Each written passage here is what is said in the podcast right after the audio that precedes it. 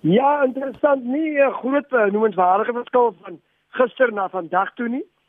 Ehm um, uh, daar daar maak daar seker maar in in, in die toekoms 'n uh, paar pyne deurkom, maar ek het die klagtes uh, vandag nie uh, as 'n 70-jarige nie. Ek sê u het 'n roemryke loopbaan. As u moet terugkyk, wat is van die lesse wat rugby vir u geleer het wat u vandag nog toepas? Nederigheid. Ehm uh, veral wat gepaard gaan met wenne. Ehm um, dit is is was 'n uh, ongelooflike tyd waar jy onmiddellik op jou hoede is na 'n skitterende oorwinning dat jy moet nederig bly uh want die volgende wedstryd is al weer op jou drempel. En dit wat ek vandag kry, um, ons het vandag byvoorbeeld die dag meegemaak met die Oase dienssentrum. Ons het 'n eet 'n feesmaal by ons woning gehou vir vir plus minus 60 van die van die bejaardes uh op my 70ste verjaarsdag en alles rondom hulle gaan oor nederigheid. En ek kon dit toepas waar jy by 'n trappie of 'n skuinste 'n uh, ou tannie aan die arm moet vat en bietjie geduld gebruik op hulle passies soos hulle mos maar nou stap nie maar hulle vat jy kan ook nie te hard vat nie want hulle bene is maar broos en so aan. So ja, nederigheid is maar is maar dit en veral ons as Suid-Afrikaners wat nou die wêreldkampioene is. Dit gaan nog meer van ons vra uh, om nederig te wees en behulpsaam onder mekaar want ehm um, daar's 'n reserve wat gaan dis makliker om die wêreldbeker te wen as om hom te behou. En so daar's daar's 'n harde pad uh, vir die volgende 3 jaar vir vir die Springbok wat hulle wag verseker. En dis net nederigheid wat op die regte pad gaan laat koers hou. Angelero vat my terug na die 1980s toe. Daai toer na Nieu-Seeland, omstrede toer en dan ook uh, die toetsdebuut teen Ierland op Nieuweland. Ja, ons het mos eers 'n kort twee twee toetsreeks teen Ierland gespeel. en daar was baie druk op my. Uh en ek glo nie op my nie, ook die ander springbokke want ons moes werk om erkenning te kry om een van hy spankeuses te wees uh van uh, daardie uh, uh 32 man uh, wat in Nieu-Seeland toe moes gaan vir 3 maande. So ons ja, dit was 'n toer, 'n toer uh, Bokkot in Ierland in Suid-Afrika wat ehm um, jy net uh, moes so sê perform het om erkenning te kry. En ons op daardie tekste soos jy self weet Jody, ons was ek gekoppel aan aan 'n rugby unie ten opsigte van 'n kontrak nie. So as jy nie die goods produce nie, was jy net deur leiders ehm um, vir eers uitgelaat en 'n volgende speler was 'n geleentheid gegee. So daar was baie druk net om jou om jou plek te behou in die Springbok span. En daardie tyd was het kon ons dit noem Springbok span en nie 23 uitsoektaal nie want uh, 'n uh, reserve kon net veld vat wanneer daar ernstige besering plaasvind het en so 'n speler nie verder in daardie wedstryd kon deelname hê nie.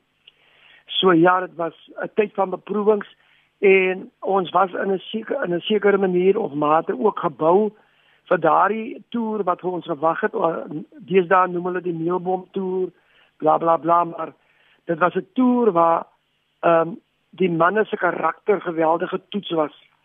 Waar jy moes jou heeltyd self weet waar staan jy met jou land? Waar staan jy met Springbok rugby? Want die land was onder spervuur in opsigte van ons ons beleid en ehm um, as gevolg van dit was die Springbokke onder baie baie druk en die land het ook verwag dat ons moet uh seevier in alles toetse want ons het niks uh 'n maatstok gehad om uh van regverdigheid om reg aan die aan die buiteland te bewys as Springbok oorwinnings nie. Die land was afgemaak as as een van die swart skape uh, ten opsigte die apartheid beleid. So ja, ons um, het nie daar was nie goeie oë of met goeie oë na Suid-Afrikaners gekies uh, ge, ge, nie gekies nie maar gekyk nie. So ehm um, ja, dit was 'n tyd van van ehm um, groot beproewings, maar ons is daardeur en vandag het ek so so rustig geraak toe die groot mense nou so lekker eet en hulle geniet. En ek, het so 'n bietjie terug teruggewerk aan die loopbaan. En interessant ek ek ek was nogal het 'n ry gaan maak in in Nieu-Seeland ook want van hulle ehm um, was uh, my ondersteuners hierdie tannies en van hulle het ook geskerts uh, oor oor my deelname ten tye van uh, opereer vir die Springbokke. Glerol ses toetse vir die Springbokke wat een staan uit. Die een op Ellis Park waar ons uh, waar Dani Gerber 4-3 gedruk het, uh, ek 1 en Gerry Sonnek is ons het 6-3 vir die dag gedruk. Ons dink ons het aan 36 aan 9 geklop. En 6-3 gedruk teen geen ehm um, ek dink uh, veral in daardie tyd uh, dit was iets wat wat vreemd was ehm um, vir Springbok rugby. Hulle het maar 1 of 2 drie per toets gedruk. Dit was die rekord tot op daardie tyd.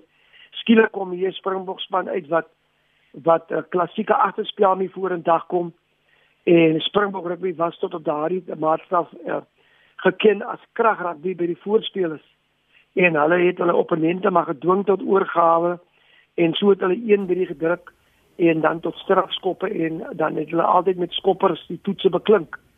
Maar skielik kom hier Springbok span uit wat 15 man goeie balderaars was na hulle natuurlik hulle werk gedoen het met vaste besette. So ja en ehm um, ons het 'n bietjie ehm um, die die land um, se se se entoesiasme hoog laat opgaan en ook die wêreld se se se aandag gekry met met hierdie vertonings. So in, op 'n manier al was ons bekend as die swart skaap daardie tyd, was hulle tog nie skieurig om te sien hoe ons sal sal vaar die die All Blacks ehm um, veral in New Zealand. Glera las ek reg as ek sê ses toetse al ses gewen?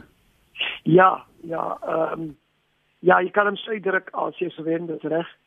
En dan natuurlik ook um, in my Springbok karriere kan ek sê ek het die, die nommer 10 tree ehm um, meer blink agtergelaat as wat ek hom ontvang het in opsigte. Ek het 'n wêreldrekord aangeteken in 10 balle agter een volgens die palle te klits. Ek was hier min flyers het op daardie tyd 3 gedruk. Ehm um, ek dink Hansie Broers en nou ook het nog 'n 3 gedruk wat wat ek so bewonder het. En ehm um, ek was toe die eerste man wat as 'n breinspeler eh wat toe 'n 3 kon druk uh, vir Suid-Afrika. So ek dink ek het die die trei so 'n bietjie meer blinker gepoets voor ek natuurlik om weer afgeset vir volgende speler. Nieuweland, eerste toets op Nieuweland en die laaste toets op Nieuweland. Nieuweland se rugbyloopbaan kom uh, later die jaar tot 'n einde. Wat se herinneringe wat u van daai stadion het? Oor die feit dat ons Nieuweland moet afgee. Hoe voel jy? En en uh, die jy het my eintlik 'n bietjie ligtelik uh, was dit is eintlik 'n ligtelike vraag. Wat is my herinneringe van van Nieuweland? Uh eintlik 'n maklike vraag. Maar ek jou ek dink ek sê my plig versuim as ek nie 'n bietjie 'n draaitjie maak by die feit dat ons Nieuweland gaan verloor nie. Jy weet ek ek um, ek glo nog dat geen geld kan daardie tradisie koop wat wat wat opgebou is in Nieuweland deur daardie magdom van kwaliteit uh net sy spelers mense wat deelname gehad het aan VP rugby en Springbok rugby. Ek ek ek sluk dit swaar om te aanvaar dat ons Nieuweland gaan verloor. Ek glo nog uh, en en ek hoop daar gaan iemand na vore tree dat ons daardie situasie kan bereder en Nieuweland kan behou. Ehm um, daar met groter omsigtigheid en groter selfsugtigheid beplan word en wedstryde en toetse kan ingedeel word het sy die Kaapstad stadion en Nieuweland.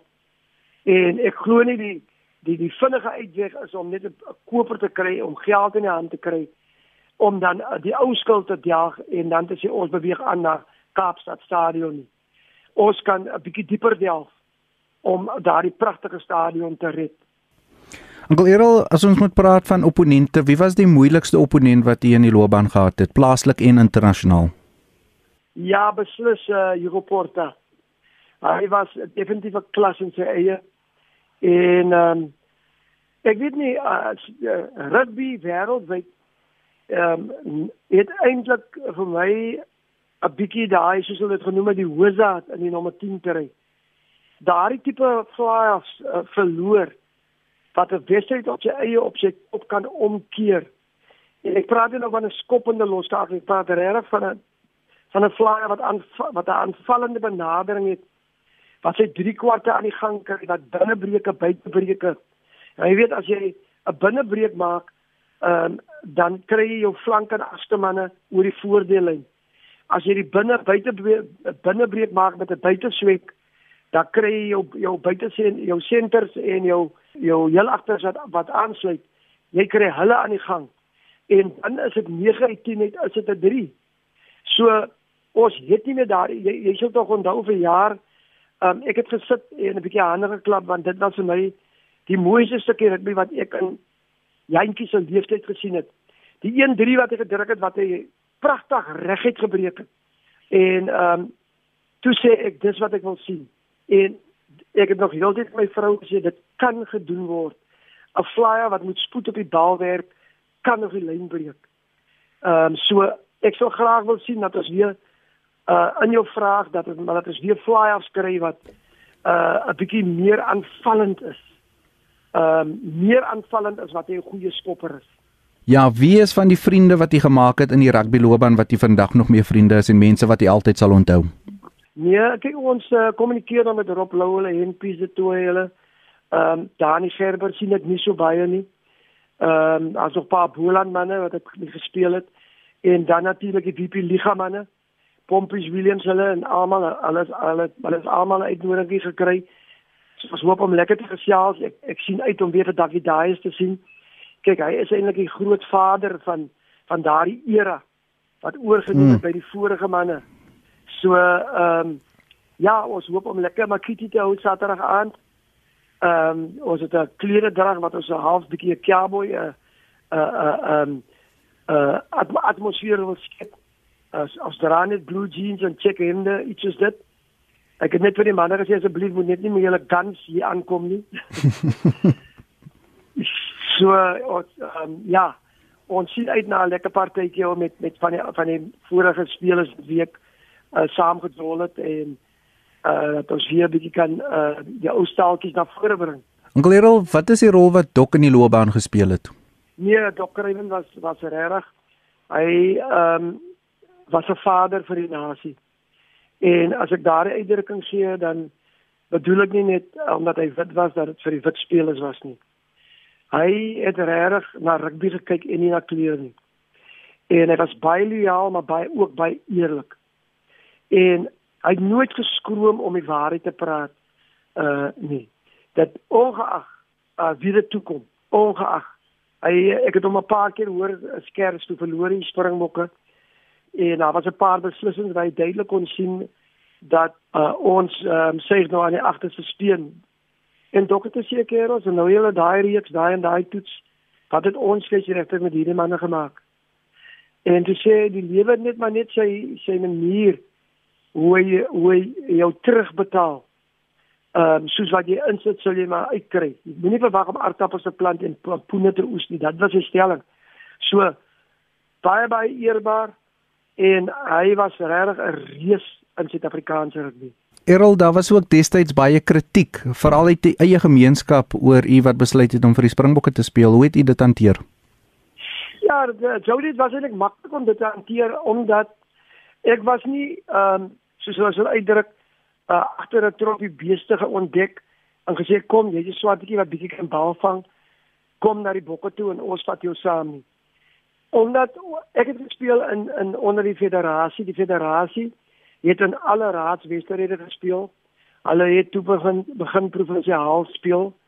En die droom was duidelik in alle koerante gesit. Die wat goed genoeg is wat enige 'n kleur is wat vir die federasie speel sal vir die bokke speel En toe het ons vir die federasie vir die SA Barbarians, die junior springbokke, ehm um, gemengde proewe, SA Platteland, ehm uh, geselle en almal daardie span het ons gespeel van onder af op. So mense te sien, hier's mee, is mense van kleur wat kompeteer vir 'n posisie bo in die springbokspan. Selfs die mense wat toe agterna gemou het, maar hulle moenie vir die bokke speel nie. Het nie gemou toe ons gekompeteer het vir 'n uh, springbok terrein. So met die gevolg is dit is mosterd na die maal. Die man wat dan hier gekom het wat gekies was, daar jy kon nie dan verwag, maar hy moet nou sê, maar ek gaan nou nie vir die bokke speel nie. Dit was een van die mees onregverdige dinge. Het daar moes al dan gesê geword het uh vir die federasie kyk, moenie laat die manne kompeteer en speel nie. En dit het nooit regtig gebeur nie behalwe van van die Sakkos kant af. Maar ons het geglo dat as jy springbok wil word in in elk geval of almal nou stemreg het al dan nie, sou jy nog moet kompeteer vir 'n posisie en sou jy moet die beste speler in die posisie wees om uiteindelik vir die springbokke te speel. So ons het gesê hier's 'n geleentheid nou ons vat en ons kompeteer. En alles aan dit een goed genoeg. Ehm um, en en hy maak die nasie trots, dan is dit 'n begin vir die res om te volg. en ek dink die res was geskiedenis. So sou die jare dit was maklik vir my om te sê nee, julle het julle kans gehad. Ek het gekompeteer, ek het my bewys, ek is gekies en nou gaan ek dit verder vat. Onkel Errol, wat dink jy van politiek en sport? Politiek en sport sal maar altyd saamgaan en veral omdat die die die die beheerende party die meerderheid uh, uh stemme het in die land sal hy altyd wil wil uh of jy dit uitdruk sy neus in sport indruk of uh, sal hy wil wys dat ehm um, alles is nie altyd reg by die by die sport nie. Dat hulle nog 'n primêre taak het om waggon te speel. Nou daar's 'n verskil tussen waggon speel en manipuleer. As hulle dit kan doen dat hulle net waggon speel en um, meer tussen vier mure in diepte gesprekvoerings gaan en nie manipuleer nie dan is ek uh, happy dat om te sê dat politiek en sport sou maar altyd saamgaan.